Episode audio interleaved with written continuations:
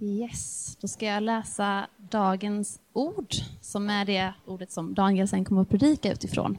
Och det står i Andra Timoteusbrevet kapitel 3 och vers 13 till kapitel 4 och vers 5.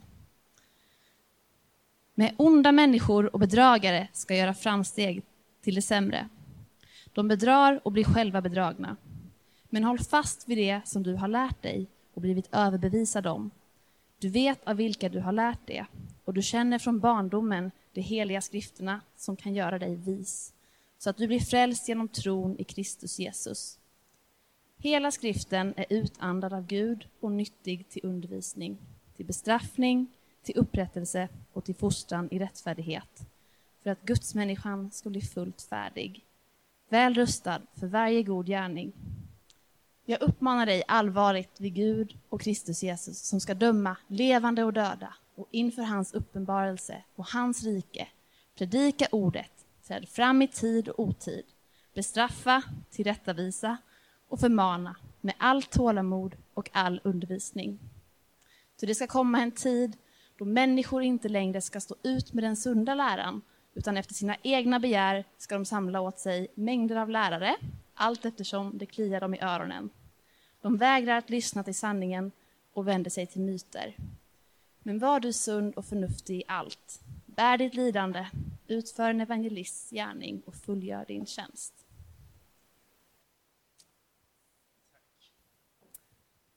Tack Anna. För några år sedan när vår kära Apple och eh, iPhone kom så var det en vän som tyckte att det var på tok för dyrt att köpa en riktig iPhone så han beställde från Hongkong. Något som liknade en iPhone, på utsidan i alla fall. Och så visade han den här för mig och liksom satte igång den. den var knappt att startade igång och sen såg det, det var massa kinesiska tecken och sen var det, det, var, det såg väldigt konstigt ut i alla fall. Och jag är inte säker på om den ens gick att ringa med.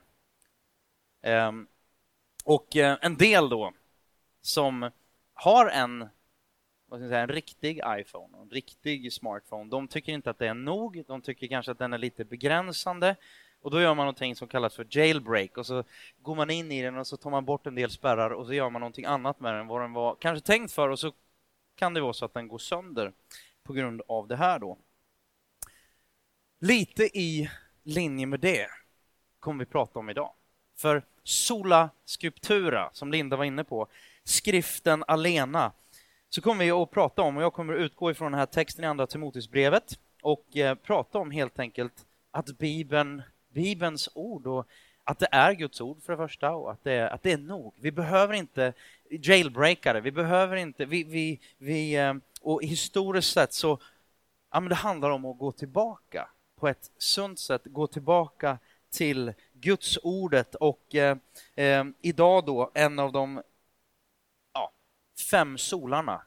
Sola som Martin Luther och, och reform, de gamla reformatorerna liksom tog fram sola Christus, alltså sola scriptura, skriften alena och sola solus Christus, Kristus alena, sola gratia, nåden alena, sola fide, tro alena och sola soli deo gloria, till Guds ära alena. Alltså, vad, vad, vad, vad handlar det om? Vad handlar den kristna tron om? Eh, nästa vecka kommer Linda predika om Kristus alena. Alltså vad, vad, vad är det vi behöver?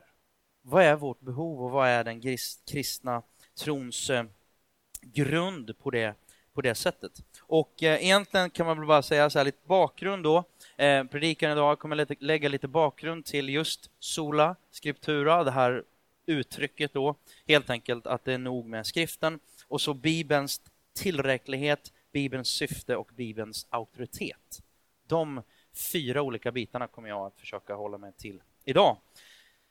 Jag vill börja med att be. Himmelske Far, tack för ditt ord. Tack för Bibeln. Tack att du har, du har valt att göra dig tillgänglig och, och eh, uttrycka dig själv och, och, låta oss lära känna dig genom Bibeln. Och jag ber att var och en av oss skulle idag få växa i vår relation till dig, växa i vår relation till oss själva och växa i vår relation till andra människor. Jag ber om din nåd att få förkunna och eh, göra rättvisa till skriften i Jesu namn. Amen.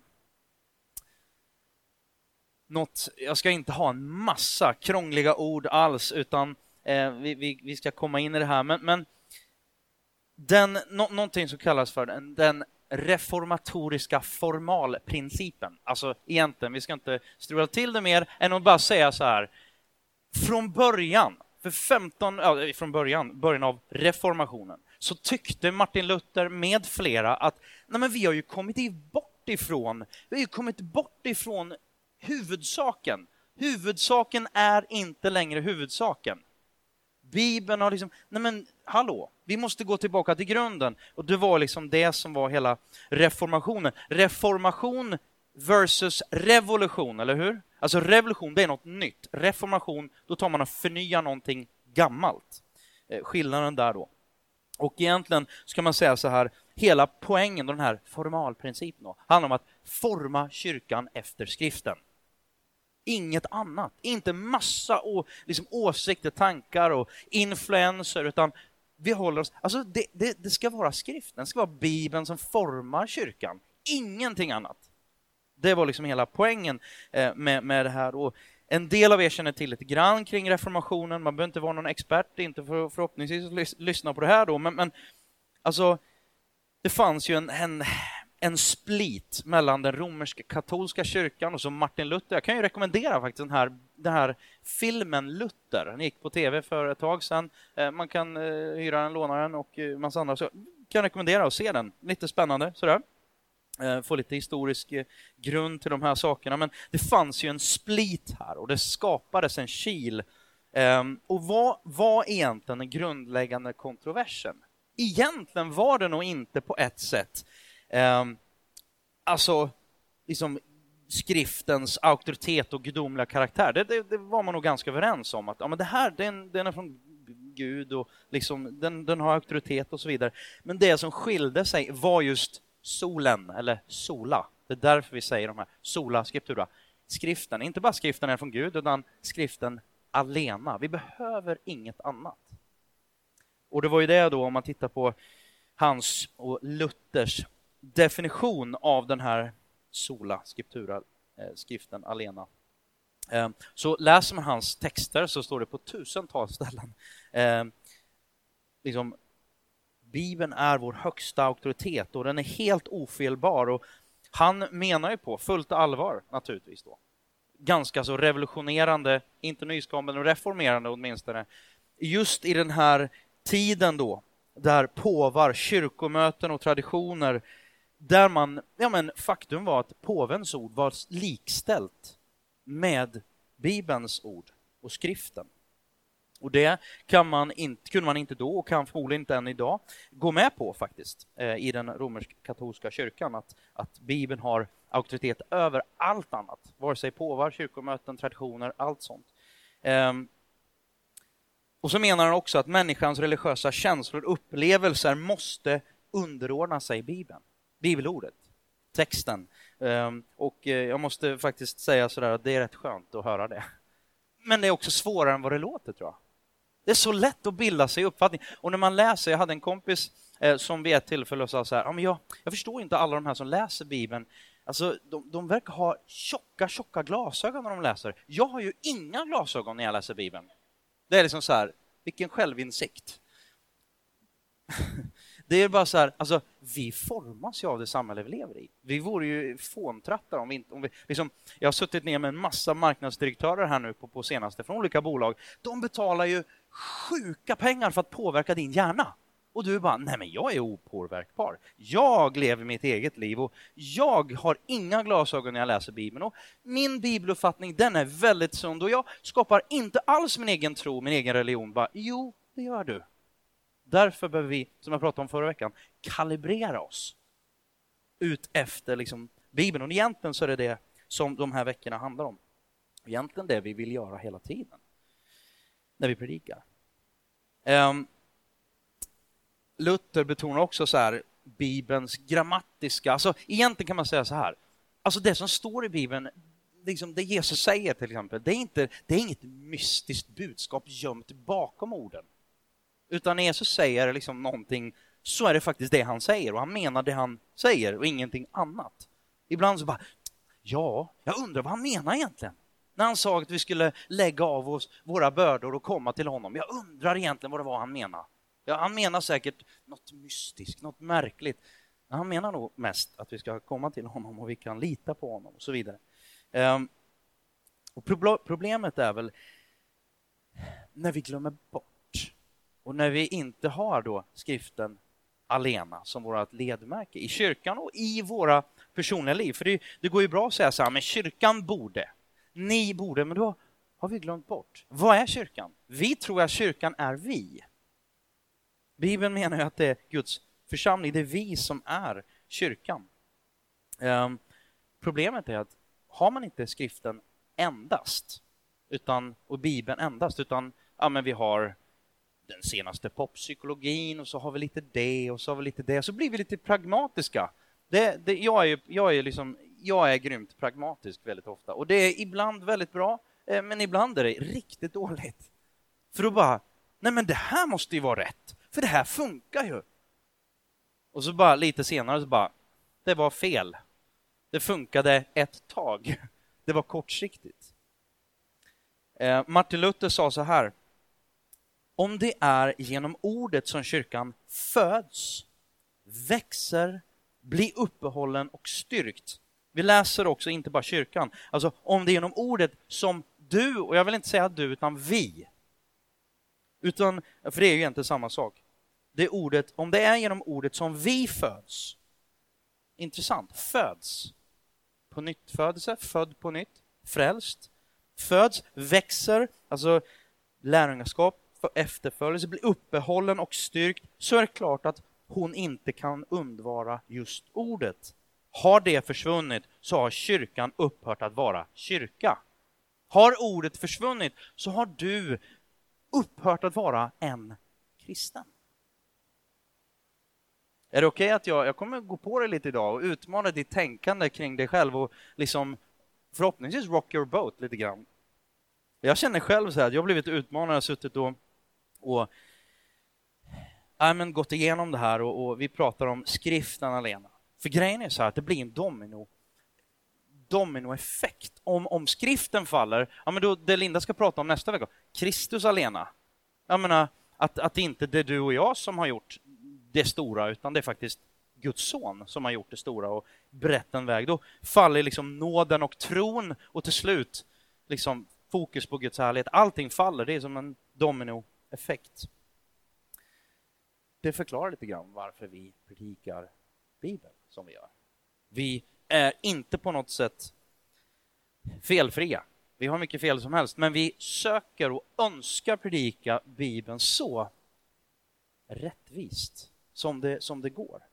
Um, och ett ord är inte relevans, det vi pratar om när vi, när vi utmanar varandra i att, att bli bättre på och vad är, vad är vårt fokus med vår förkunnelse, med gudstjänster och med, överhuvudtaget med våra liv? Det är inte att vara relevanta i största allmän, allmänhet, utan vi vill göra ordet tillgängligt. Och det är en liten, liten skillnad där. Gud tillkännager sig genom Bibeln. Gud låter oss lära känna honom genom Bibeln. Det är Guds ord, jag ska komma åt till det, men det är en, en jättebit. Frälsning, han säger det i det här, Martin Luther då, om det är genom ordet som vi föds, kyrkan föds. Frälsningen, evigt liv, det handlar om att, liksom det här något mytomspunna ibland, så här frälst. Vad är det för någonting? Egentligen handlar det om att lära känna Gud. Och om det handlar om att lära känna Gud, och inte bara lära känna honom, utan förtrösta och lita på honom. Vi säger ibland så här, ge sitt liv till. Det är ju att sätta sin tro till, sitt hopp till, precis som våra barn, de ger, våra, de ger sina liv till oss de litar på oss. Är ni med? De är fortfarande egna individer, men de litar på, på mamma och pappa. Jag kan ställa, speciellt Ville, men jag kan ställa alla mina barn här på bordet och jag bara hoppa. De kommer inte tänka i en halv sekund. De kommer hoppa, för de vet att jag fångar dem. tillit. Det är att sätta sin tro till. Om du ska sätta din tro till någon, då behöver du lära känna den personen. Du behöver få insyn i hur den här personen tänker, hur det fungerar. Dess värderingar, eh, liksom på något sätt. Vad är hans personlighet? Gud då, som vi får lära känna genom skriften. Vi får insyn i vem han är, vem är hans, eller hur är hans personlighet, hans värderingar, hans vilja, hans natur. Tänk dig, du sitter och surfar och så kollar du på Blocket och helt plötsligt dyker upp en sån här annons, inte jag vill sälja utan jag vill köpa annons. Så står det så här, jag vill låna 100 000. Jag vill låna 100 000, jag erbjuder 20 ränta. Eh, låna ut 100 000 till mig så får du alltså 120 000 tillbaka inom en månad, säger vi. Du kan lita på mig, punkt. En vilt främmande person på Blocket. Vem, vilka av er skulle liksom bara yes, 20 000 snabba cash på en månad. Jag ringer, jag lånar ut. Det skulle ju ingen här göra och skulle det där så behöver vi snacka. Nej, men liksom, en helt vilt främmande person baserat på kunskapen du har från en Blocket-annons, det är ju helt oseriöst. Hur ska jag kunna lita på den här personen? Jag känner ju inte den här personen. Jag vet inget om den här personen, hur kan jag förtrösta på den här personen? Det är ju ett enormt risktagande om man ändå skulle köra på det. Då är man ju liksom lite så här kamikaze på något sätt. Man är ju liksom då, då håller man säkert på med basejumping eller någonting sånt och liksom vill, vill leva nära döden på något sätt. Jag vet inte. Um, jag tror det kan finnas ett samband mellan oss då, som kristna, som ibland är så oerhört rädda för att riskera att efterfölja och lyda Gud. Kan det vara så att det är på grund av att vi inte känner honom? För om vi inte känner honom, då kommer vi heller inte lita på honom. Han säger i sitt ord, du kan lita på mig. Men om, om hans ord, är, det är ju ungefär lika tungt som en Blocket-annons för dig. Då kommer du inte att lita på honom. Och kasta dig ut, formligen då, när han säger hoppa. För du vet inte om han kommer ta emot dig. Och vi kan inte lära känna Gud på egen hand. Bara, ja men mina filosofiska tankar. Gud är initiativtagaren. Han har gett oss ordet. Han har gett oss Bibeln. Ehm, vi kan uppfatta, absolut, vi kan uppskatta och uppfatta Gud genom skapelsen. Jag kommer ihåg när jag var 11, 12, 13 år, ehm, fjällvandrat en hel del med, med mina föräldrar och vi var uppe i jag, kom, jag kommer faktiskt ihåg en sån här aha-upplevelse. Vi gick, du vet så här klassiskt, man går eh, liksom, vad säger man, kulle upp och kulle ner och så är det stora Helagsberget i Härjedalen. Liksom så här, Helags och Sylarna, kanske någon har varit där.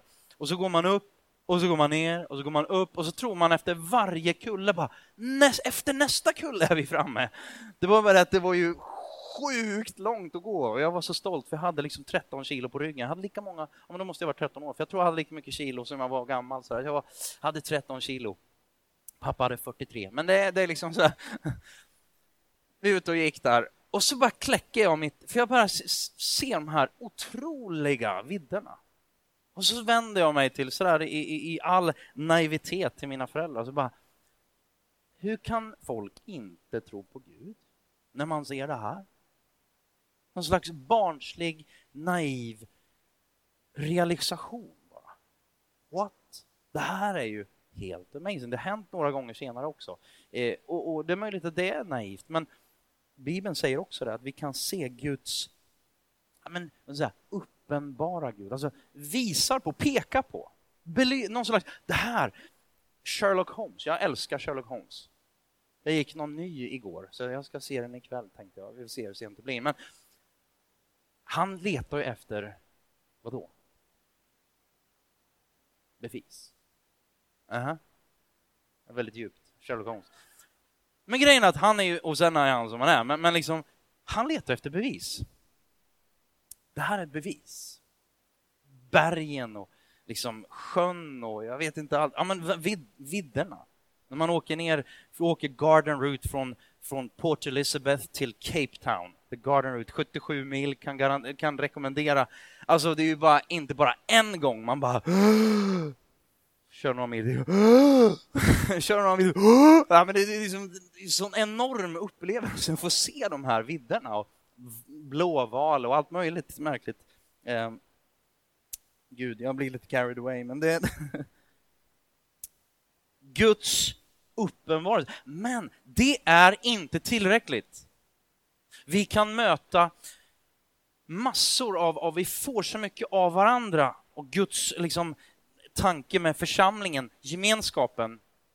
Men det är inte bara nog med gemenskapen, utan det är Bibeln och gemenskapen, Bibeln och skapelsen, Bibeln som grund till allt det här. Och vet ni, jag tycker det är väldigt, väldigt skönt, för det är väldigt stabilt med Bibeln. För det som står där, det ändras inte. Bara för att det är någon, en, en, en politisk nyck i Sverige som bara, nej nu är det politiskt inkorrekt. Och fem år senare bara, nej nu är det politiskt korrekt helt plötsligt.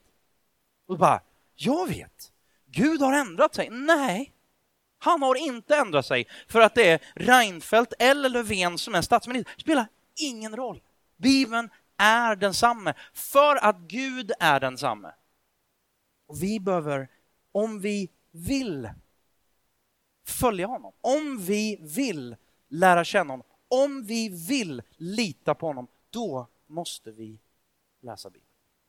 Då måste vi upptäcka Gud genom ordet. finns inget annat sätt. Finns... Vi kan inte hålla oss borta från Bibeln. Vi kan inte det, om vi vill göra det. Och för att vara då trogen min story kring Apple, så är det ju som att, alltså, ja men det är lite så, Bibeln är ju, för att man undrar ju så här, om någon säger bara, jag har hört Gud tala. Så det låter lite mystiskt och, och, och liksom en del känner liksom så här, men det är inte, jag, jag, jag är ju ungefär lika, liksom, jag känner mig lika fylld som en, en, en, en, en, en liksom tom ballong. Ja, men liksom, jag, jag, jag, kan inte relatera till det här. Och vissa tider man går, jag känner mig så tom, jag känner mig så orkeslös. Jag vill höra Gud tala, jag vill förstå. Då är det som att plocka upp Bibeln faktiskt. Det är som att ha Facetime med Gud. För att där hör du hans andedräkt. Där ser du inte bara några små liksom, små, små, små bevis och du måste... Utan du ser det rakt på sak. Gud talar genom sitt ord. Ehm, och jag tror faktiskt att de flesta av oss, de flesta av oss, mig inkluderad, vi baserar våran tro väldigt mycket på känslor. Väldigt mycket på våra filosofiska uppfattningar kring olika ting. Olika områden, olika saker i skriften. Vi älskar ju plockgodis. Jag och barnen var och köpte godis igår.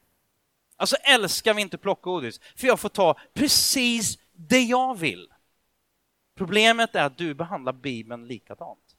Du har den som plockgodis. Och det funkar inte. Gud är inte ditt plockgodis. Det är inte lördagsgodis på lördagen. Och liksom eh, bara, det är en helhet. Summan av Guds ord är sanning. Det är sanningen om Gud. Det är så viktigt. För om inte du och jag grundar vår tro, jag menar du kanske kommer från det hållet med, med en, du har vuxit upp i en familj där, där man har gått i kyrkan och, och kallat sig för kristna kanske och, och liksom ja, du har fått med det hemifrån och, och egentligen det du längtar efter, för att när du var på några ungdomsmöten när du var liten så hade du gåshud under vissa stunder och egentligen så till syvende och sist, det är det som du längtar tillbaka till. Och så är det det som formar, det är det du sträcker dig efter. Och det är klart att i relationen med Gud så finns känslor inkluderat, för det är en verklig relation. Det är inte bara en hypotetisk relation, utan det är en verklig relation för Gud är ju inte en iskub direkt, utan han gillar nog och kommer, ja, men det, det kommer att känna saker och allt möjligt sådär. Men det är oerhört viktigt att du då grundar din tro i Bibeln. Inte knåpar ihop din tro på grund av dina erfarenheter och dina upplevelser och din gåshud. För den behöver stämma överens med hela Bibeln. Det är också goda nyheter för dig som, som ponera att du är helt ny. Du bara har bestämt dig för att jag vill lära känna Gud. Jag, jag, jag, det här det är någonting som drar mig. Jag vet inte riktigt vad det är, men jag, jag, jag börjar gå i den här riktningen. Och du känner dig ungefär lika karismatisk som en lyktstolpe. Och du känner inte att du är Flamingokvartetten som bara woho! Och så, ja, men liksom, det är inte goosebumps. Det, det, är liksom, det är ganska stabilt. va? Det är ganska jämnt.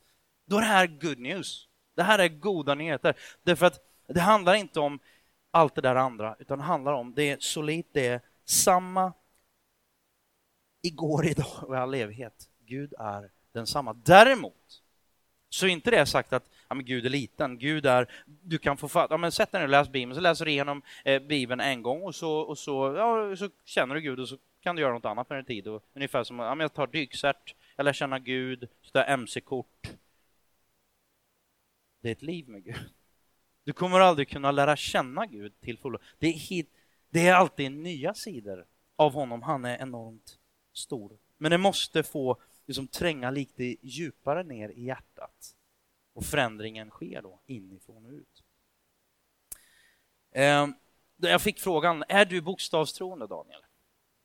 Då skulle jag vilja säga så här, egentligen beroende på, jag förstår ju vad den här personen menade. Och eh, faktum är att, att eh, då är svaret både eh, ja och nej. Och framförallt förmodligen kanske mest nej utifrån jag förstod vad den här personen menar. Men, men det teologiska bibelstudiet, eller liksom bara överhuvudtaget att för, för, liksom gripa sig på och för, liksom förstå eh, skriften, om man nu liksom djupdyker lite grann, så pratar vi om då, när vi, när vi undervisar så, så vill vi tränga ner och, och förhålla oss till Bibeln på lite olika sätt.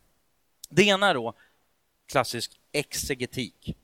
Exegetik, eh, jag lovar att inte säga en massa konstiga ord, men, men ja, får se. Eh, det handlar egentligen bara om att arbeta med och söka förstå Bibelns texter liksom, så gott det går utan glasögon, om du förstår vad jag menar. Som historisk grammatisk exetik, alltså eh, vad, vad, vad är den historiska kontexten, vad, vad, vad, var det för litterär genre? Saltaren till exempel, det är, det är mycket poesi och, och, och eh, liksom, är det ordagrant? Menar han att det liksom Gud med sina fingrar placerar ut stjärnorna? Ja, men så rent där skulle Alltså, vad är poängen med skriften? Vad är poängen med det här skriftstället? Eh, och sen behöver man ha biblisk teologi, alltså låta, kort översatt då, alltså låta Bibeln eh, tolka Bibeln. Så att det inte ett skriftställe betyder det här och så typ samma tanke betyder något helt annat på något annat ställe, utan det måste finnas någon slags röd tråd. Eh, vi har även en, en, historisk teologi där vi tittar på kyrkan genom skrift, alltså hur man, har, hur man har tolkat skriften genom, genom tiderna. Det är också ganska viktigt att titta på. Eh, man kan ju tänka sig att vi kanske inte har 100% rätt hela tiden i hur vi tänker och våra värderingar och så vidare. Ehm, utan det finns eh, genom historien så har man en, en, en del att säga till om. Ehm, systematisk teologi som egentligen handlar om att systematisera och strukturera vår troslära, kort och gott. Och eh, så praktisk teologi, alltså pastoral tillämpning av texterna. Yes, det är ju ändå det. Det skulle jag vilja säga att att, göra den tillämplig. För Bibeln är ju inte bara en teoretisk bok utan någonting som är praktiskt användbart. Och, och det handlar om en relation med, med Bibeln, eller med, med Gud genom Bibeln. Och har vi inte Bibeln, då kommer vi förr eller senare, vi kommer att ha en alternativ grund i våra liv om vi inte har Bibeln. Eh, till exempel att ja, men vissa då, ja, men jag, jag läser inte Bibeln, jag bara ber. Ja, men liksom, det, du, när du, om du bara ber utan Bibeln så, så det är liksom en omöjlighet, jag säga. Eh, en, en, en bön och andlig uppenbarelse alena. Nej. Bibeln alena. Men kastar vi ut bön då? Nej. Vi kommer till Bibeln i bön och vi läser den under bön och vi går, efter, liksom går ifrån Bibeln, förhoppningsvis bedjandes. Vi är utmanade eller vi är tacksamma, vi är vad, vad det nu är för någonting. För grejen är så här att ja, men man tittar på hemsk, hemska, ja, där, där Kristi kropp inte längre är Kristi kropp och där man, det blir en sekt och det blir konstigheter och Knutby och det blir allt möjligt. Någonstans så har man gått ifrån Bibeln. Någonstans, som jag sa förra, förra veckan, man har gått ifrån den här storyn och man börjar hitta på en alternativ story, sin egen story. Man har en egen tro. Och det är det som händer och kan hända, det är att man har en massa märkliga saker och osundheter för sig. Ehm, och skriften alena är vår högsta och slutliga auktoritet för all lära om livet med Gud och livet för Gud. Bibelns tillräcklighet. Andra Timoteusbrevet 3 och 14. Håll fast vid det du har lärt dig och blivit överbevisad om. Paulus skriver till den här unge pastorn Timoteus då. Och han är församlingsledare, så det är uppenbart här nu då, när Paulus skriver att det, det blåser lite grann och han går även in på det lite tidigare, vi kommer dit, men han går in på det här då att det, det blåser, det blåser en hel del. Um, och det är problem, inte bara i samhället, att det är kritik mot evangeliet och mot Bibeln från samhället. Nej, det är problem i kyrkan. Och Paulus ger inte Timoteus något nytt secret weapon, utan han bara, gå tillbaka till skriften, säger han bara. Gå tillbaka, håll fast vid det du har lärt dig. Liksom, gå inte på de här, de klagar på dig, de hackar på dig, de säger om du säger det här, då går vi. De röstar med fötterna. Då säger Paulus bara, håll fast vid det som du har lärt dig. Håll fast vid det här. Och precis som under Timoteus tid skulle jag säga att Bibeln är under attack idag. Och det är inte främst från kvällspressen jag pratar om då. Utan ifrån liksom hela den kristna världen. Hur ser vi på Bibeln? Är Bibeln en auktoritet i våra liv? Ehm, Luther sa att den är ofelbar, den är fullständig, den är tillräcklig. Tycker vi det? Tror vi det? Är vi överlåtna det? Vi tänker väldigt ofta, tror jag, visst, Bibeln är jättebra, men det är lite trögt. Det är som, vi behöver lite mer. Vi behöver en plusmeny. Och det är väldigt lätt då att huvudsaken inte längre är huvudsaken. Att det centrala inte längre är centralt i kyrkan. Varför ska vi lyssna då? Varför, om, om inte Bibeln är en auktoritet, om inte Bibeln har det, liksom, ja, det mandatet, varför ska vi då lyssna? Varför ska vi då lyda? Varför ska, du, varför ska vi då ändra på någonting? Det är ju bättre att följa sig själv då.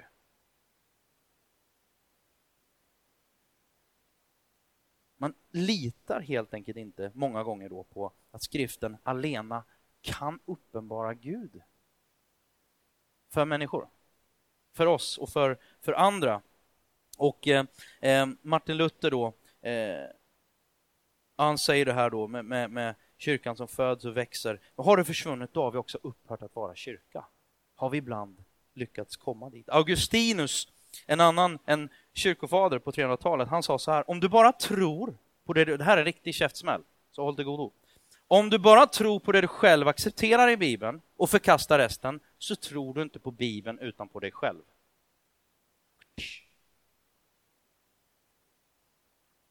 Ett kort exempel från liksom, Bibelns historia och Israels historia. Mose, han tar Israels folk ut ur Egypten. Han är den stora ledaren. Gud har ut, utvalt honom och utmanat honom att göra det här då. Och så går de ut där i öknen och befinner sig där ett, ett, ett tag och, och, så ska Gud ge, det, det, vet han väl inte exakt, men Gud säger så här, du ska spendera tid med mig. Gå upp på det här berget och så går han upp på berget. Han är den stora ledaren och alla ser till honom för sina utmaningar, problem och allting.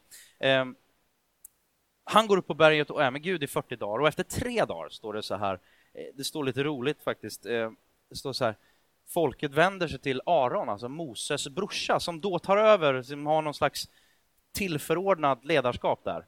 Och eh, de går, de går till, till Aron och säger så här, vad händer nu? Han den där Mose, han den där Mose, vad har han blivit av? Han kanske, han kanske dör där uppe och inte kommer tillbaka. Vi, we're on our own. Vi måste klara oss själva. Nu får du fixa, vi vill ha, vi har sett alla andra eh, liksom, folk runt omkring oss, de har ju liksom en gris eller en tjur eller någonting, så, som de ber till. De kan se sin Gud. Vi vill också ha det. Och då säger Aron, okej, okay, ge mig allt guld ni har. Och så fixar de allt guld och så tar han det och så gjuter han och så gör han en guldkalv. Det intressanta är att de tänker inte i sina sinnen att det här är, för det var ju liksom så här grundläggande, ha inga andra gudar. Och det var ju, det var ju liksom Guds tio bud då, som Mose faktiskt fick. Så under tiden han fick ha inga andra gudar så, så fixar de en annan gud där nere. Men där står de och har en guldkalv och de kallar honom för Herren, alltså Javé. De kallar honom för Gud. Inget annat namn, utan de tänkte det här är Israels Gud. Det är väl ingen big deal. Vi vill ju bara se. Och Gud säger bara, vad har ni gjort? Ni har, över, ni, ni har övergett mig. Är det inte så att ibland det vi kallar för Gud, vi tänker, men det är ingen annan Gud. Jo, det är en annan Gud. Det är inte Bibelns Gud. Andra Timoteusbrevet 3 och 1 säger så här. Det ska du veta att i de sista dagarna ska det komma svåra tider.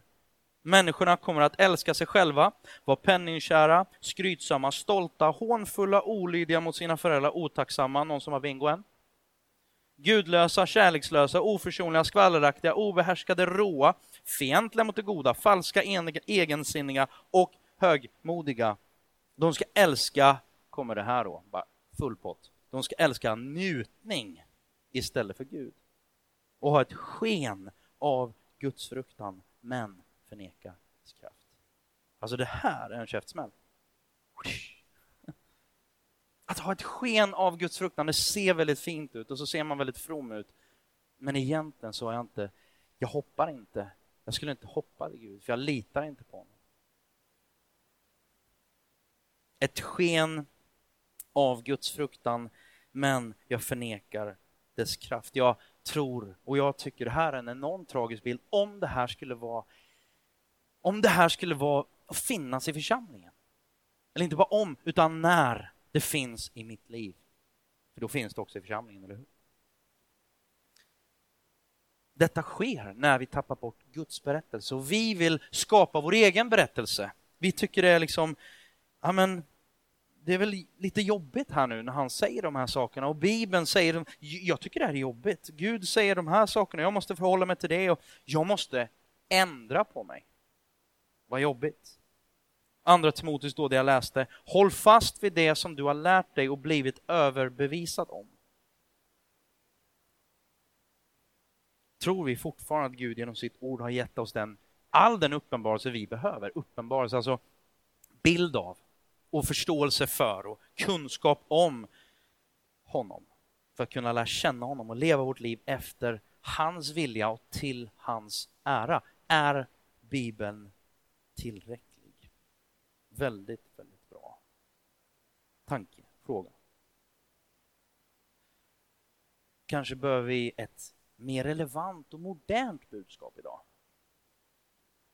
Lyssna på det här, första Korinthierbrevet, det är också Paulus, Paulus som skriver. Första Korinthierbrevet 2 och så några verser där. När Paulus kommer själv så skriver han så här. Det var inte med stor vältalighet, med hög cool-faktor, hög visdom som jag predikade Guds hemlighet för er. Jag hade nämligen bestämt mig för, när jag var hos er, att inte veta av något annat än Jesus Kristus, alltså ordet, och honom som korsfäst. Och mitt tal och min predikan bestod inte i ord som skulle övertyga genom mänsklig visdom, utan genom en bevisning i ande och kraft. Vi vill inte att er tro skulle bygga på människors visdom. Ha inte en tro som byggs på människors visdom, utan på Guds kraft. Nej, vi förkunnar Guds hemliga vishet, den vishet som är fördold och som Gud från evighet har bestämt att bli till härlighet för oss. Inte med ord som mänsklig visdom lär utan ord, men som anden lär, när vi återger andliga ting med andliga ord. Och så bara kort det här andokraft. då är det säkert någon som tänker bara, ja precis! Liksom andokraft. och man känner, då helt plötsligt kommer det här känslogrejen in igen. Men grejen är så här, gamla, då, då sa man så här, alltså sola scriptura, det var Ordet och anden, ordet och anden, ordet och anden. När det står anden här, då är det det ordet. Alltså, och kraften. Paulus säger i Romarbrevet så här, alltså evangelium är kraft till frälsning för de som tror. Alltså, så det han pratar om här är ju hela tiden ordet. Och då säger du kanske, ja, men ska vi inte ha Guds synliga kraft? Jag skulle önska att ännu fler blev helade och att saker och ting hände. För det händer idag. Det är inget konstigt. Om vi tror på en Gud som har skapat världen, då är det inte så konstigt om man botar någon som är sjuk. Sen kommer alla de här frågorna. Varför botar han vissa och inte andra och så vidare. Det ska vi inte ta nu, men, men, men Gud är verksam idag och det vill vi ju se mer om naturligtvis, men, men grejen är den att det är inte det är inte under och tecken, magiska, liksom blixtar och dunder, magiska under som, som är den, den stora grejen som kommer att dra folk till Gud. Vad är det som drar folk? Markus evangelium kapitel 2, några bibelverser, är ni med? Markus 2, vers 1. Några dagar därefter kom Jesus tillbaka till Kapernaum. När man fick höra att han var hemma samlades så många att de inte längre fick plats ens utanför dörren och han predikade ordet för dem. Lukas 21. Och dagarna var han i templet och undervisade och tidigt på morgonen kom allt folket till honom i templet för att lyssna på honom. Apostlagärningarna 13 och 44. Följande sabbat samlades nästan hela staden för att lyssna till Herrens ord. Ska vi inte satsa på fräschare, mer relevanta liksom, sätt och väldigt kreativa sätt.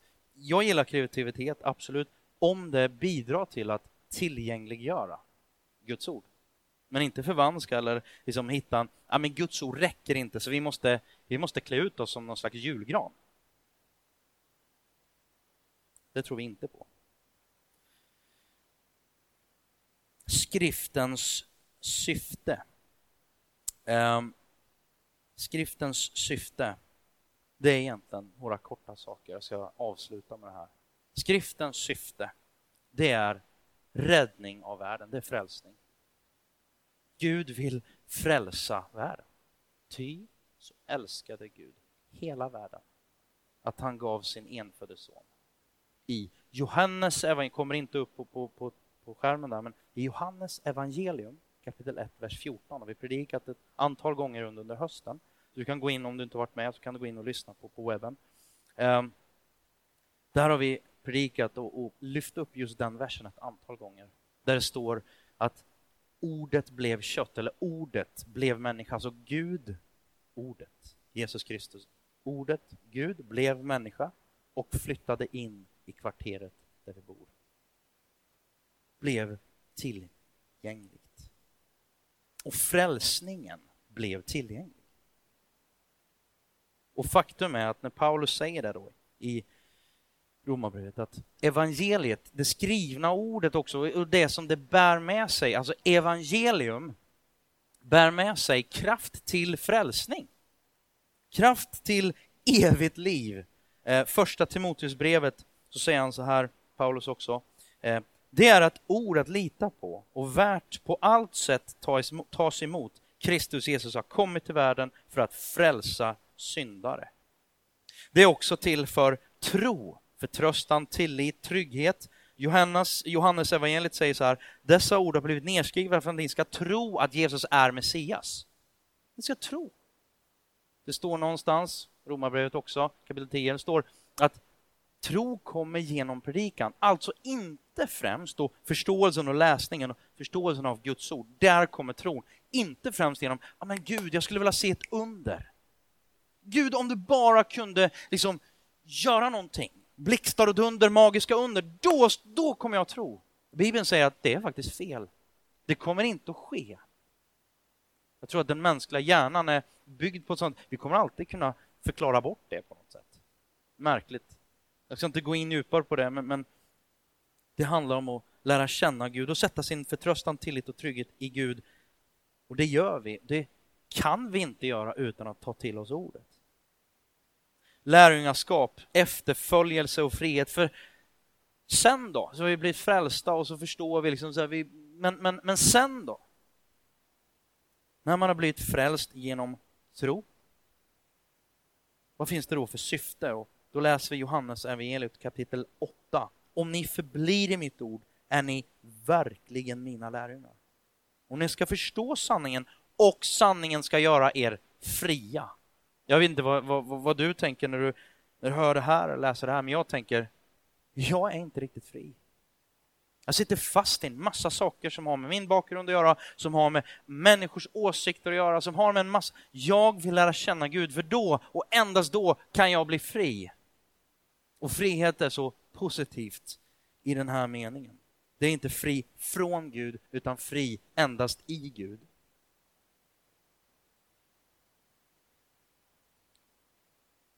Jag går in för landning med det. Och vill avsluta faktiskt med 1974 tog Billy Graham, kanske en, en del känner till honom, kanske inte alla, men han är i alla fall under 1900-talet och 1900-talets förmodligen mest kände, erkände predikant. Tillsammans med många andra, absolut, men han var del av det och initiativtagare till att man träffades i Lausanne i Schweiz 1974 för att diskutera just det här. Hur förhåller oss vi till Bibeln? För vi har kommit på avvägar igen.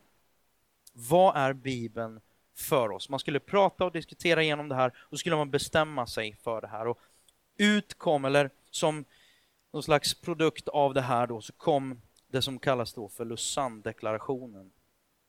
Och jag skulle vilja avsluta med det här och, och sen ställa några korta frågor. Andreas, du får att den kommer fram om du finns här någonstans. Eh, vi bekräftar vår tro på både gamla och nya testamentets gudomliga inspiration. Sanning och auktoritet i dess helhet. Såsom Guds enda skrivna ord, utan fel i allt som det påstår och det enda ofelbara rättesnöret för tro och liv. Vi bekänner också att Guds ord har kraft att fullborda hans frälsningsplan. Bibelns budskap riktar sig till hela mänskligheten, ty Guds uppenbarelse i Kristus och skriften är oföränderlig. Genom Bibeln talar den helige Ande också idag.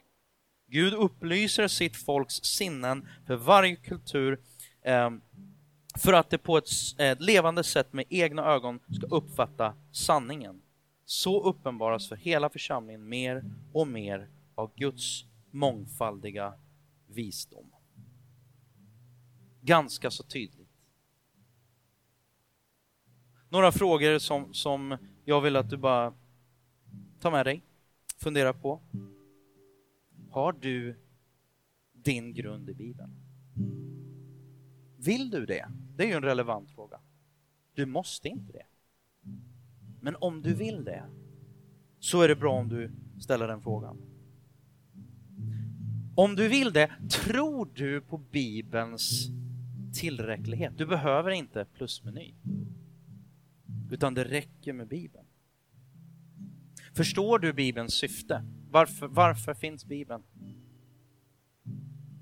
Förstår du och bejakar du dess auktoritet? Böjer du dig under och ödmjukt inför Gud? Eller är det du som har rätt och han har fel om det skulle stå mellan er två? Förlitar du dig och baserar du din tro på dina känslor, dina filosofiska resonemang och allt du kan och har lärt dig och du lever i din upplysta värld? Eller tar du allt det och kommer till Gud ödmjukt och lär dig vem han är genom Guds ord? Gud vill ha Facetime med dig.